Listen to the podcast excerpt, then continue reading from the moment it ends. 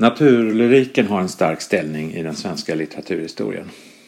Från Lucidor och Spegel fram över seklerna har trubadurer och psalmdiktare, 1800-talsromantiker och 1900-talsmodernister besjungit årstidernas växlingar och spelplatserna för den nordiska floran och faunan.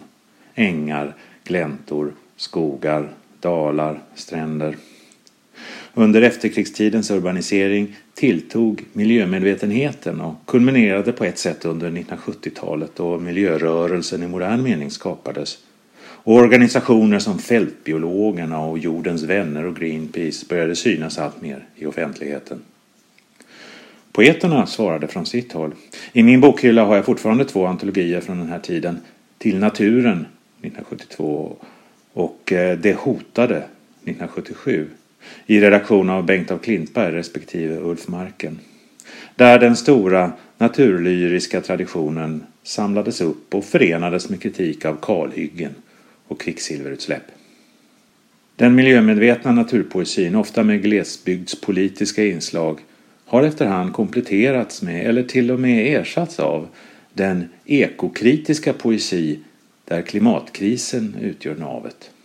Från senare år kan nämnas Åseberg, Agnes Gerner, Gunnar D Hansson, Johannes Heldén och Fredrik Nyberg vilka samtliga skriver in sig i en diskurs om ekologi och särskilt människans ambivalenta position. Termen antropocen har börjat begagnas för att beteckna den epok i vår planets livslopp där människan genom sina ingrepp påverkat såväl klimat och geologi som djur och växtarternas mångfald och utbredning. Den globala uppvärmningen är det fenomen som främst fått representera denna genomgripande förändring av planetens villkor. Antropocen är också namnet på den diktsamling från 2016 av Jonas Gren som kan ses som en av de tydligare lyriska inmutningarna på området. Antropocen föregicks av två egensinniga samlingar i det grenska författarskapet. Debutboken Lantmäteriet 2014 och den infallsrika Överallt ska jag vara i centrum 2015.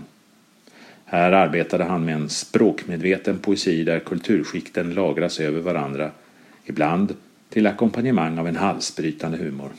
Det senare blir än mer tydligt när dikterna framförs muntligt. Gren är en driven uppläsare som gärna låter konsonanterna smattra som hagel samtidigt som vi som åhörare aldrig är riktigt säkra på graden av ironi och självreflexivitet. Detta starka muntliga tilltal besjälar hans dikter även på boksidan. Författaren har ett brett register där den naiva enkelheten kan slå över i kataloger av läsefrukter och sen gå tillbaka igen till nakna rader som dessa ur Lantmäteriet. Jag kliver in i kartan, går längs flodens rand, plan och blå, målar ett träd, målar en skog, går in i skogen som inte syns, vill inte vara i en skog som inte syns. Det centrallyriska jaget är genomgående tvetydigt. Ibland en rimlig möjlighet till identifikation, ibland en grotesk spegelbild av det mänskliga förnuftet. I antropocen utforskade Gren detta mänskliga förnuft och dess komplicerade relation till den planet vi bebor och anlade de stora perspektiven där det individuella jaget utplånas under tyngden av eonerna. Så småningom kommer ingen veta att jag funnits. Tunn som tranungens ben ska antropocen ligga i sedimentlådan bland epoker. Det här var en viktig samling som inte minst visade poetens behärskning av stilmedlen. Efterhand har hans språk blivit än strängare och mer exakt. Den samling som nu föreligger, Delden där det blommar, är inte en lika stor satsning som Antropocen men svarar ändå mot många av de förhoppningar som väckts om Grens författarskap. Samlingens motto är en parafras på några rader ur kyrkans begravningsritual. Ur pinnmon kommen till pinnemon åter.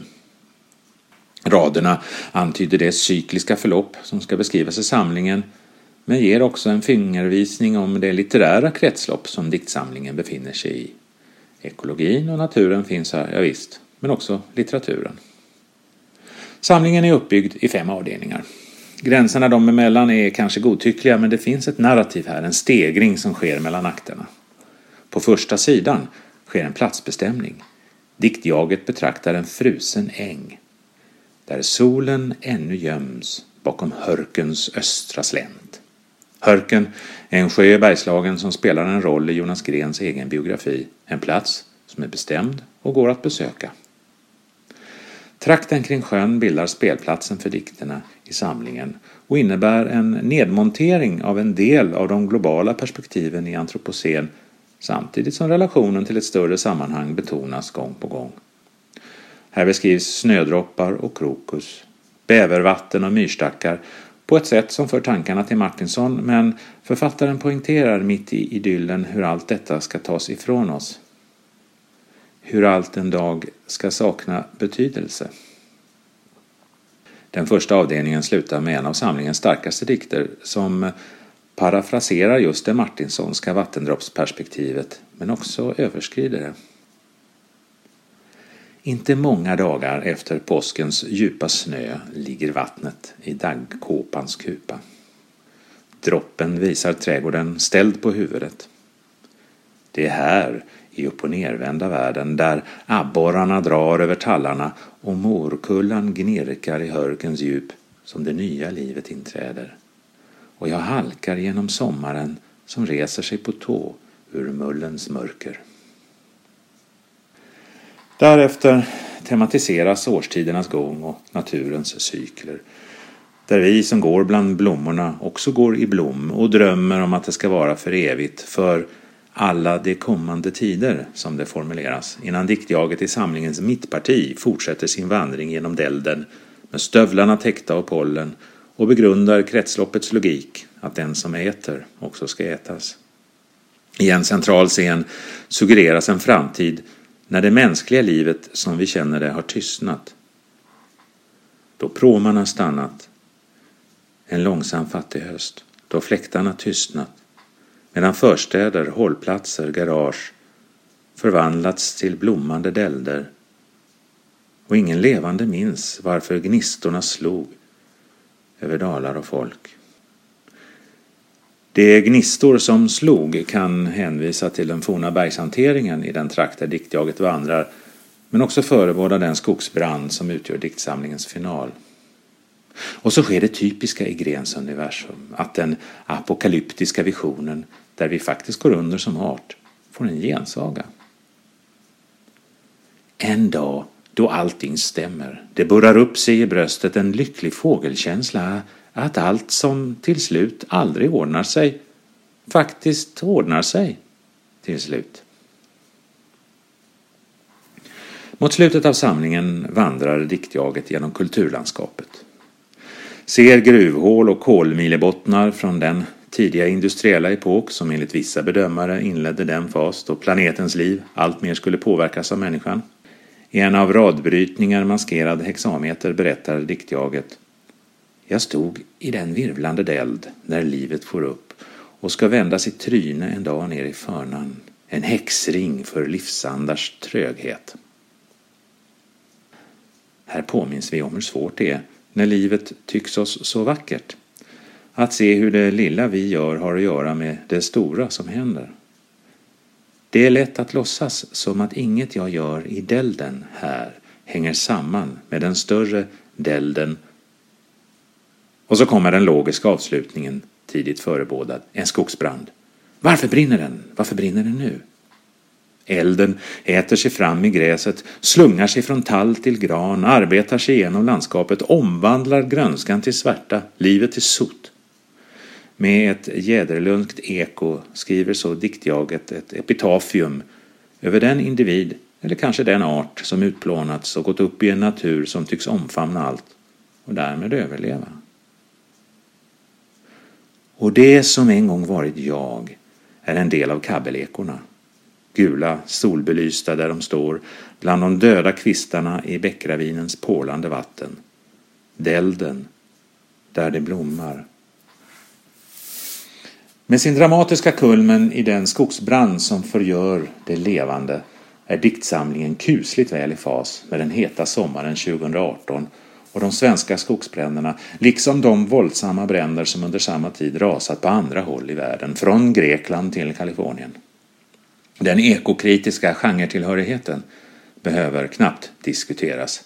Delden där det blommar utgör i flera avseenden ett lyckat försök att i lyrisk form påminna om klimatkrisens oerhörda konsekvenser.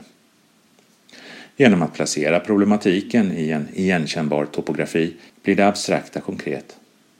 Jag har aldrig vandrat längs Hörkens stränder men jag har sett andra sjöar i landskapet och känner Bergslagsnaturen rätt väl. Jag känner mig hemma i Grens hantering av biotoper och industriella lämningar. I mina ögon har han funnit en fungerande utkikspunkt för sitt ekokritiska engagemang. Dälden där det blommar är alltså ett steg framåt i ett dynamiskt författarskap. Men det finns inslag som jag ställer mig frågande inför. Dälden där det blommar är till allt annat en intrikat väv av lyriska allusioner. Några namn har nämnts, men här finns flera, mer eller mindre öppna citat av svenska författare som Ekelöf, Aspenström och Sjödin.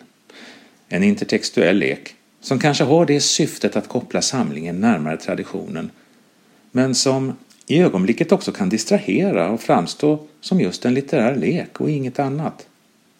Aspenströms stövlar, Jäderlunds äng och Sjödins murade ensamhet säger mig inget om de moraliska och miljöpolitiska frågor som diktsamlingen gestaltar i övrigt.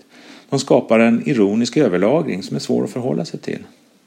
Hanteringen av det poetiska hantverket, från metrik till metaforer, är på hög nivå och ger god energi åt de många gånger vackert utmejslade dikterna. Men genom den litterära införståddheten, som i andra sammanhang kan tjäna ett syfte, stryper diktsamlingen sin egen motor. Det är välgjort men skapar i alla fall hos mig en osäkerhet om författarens egen plats här. Debutboken Lantmäteriet var även den ironisk och överlagrad, sprängfylld med referenser och intertexter, men det var en samling som tematiserade textöverflödet.